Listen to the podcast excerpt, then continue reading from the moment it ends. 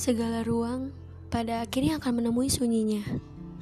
Segala tentangmu pada akhirnya akan menjadi serpihan debu yang melayang tidak karuan di angkasa sana. Memang, mereka di luar sana sangat menyayangkan saat langkah kaki kita bergerak untuk menjauh. Tapi, aku ingin mengatakan bahwa aku bahagia.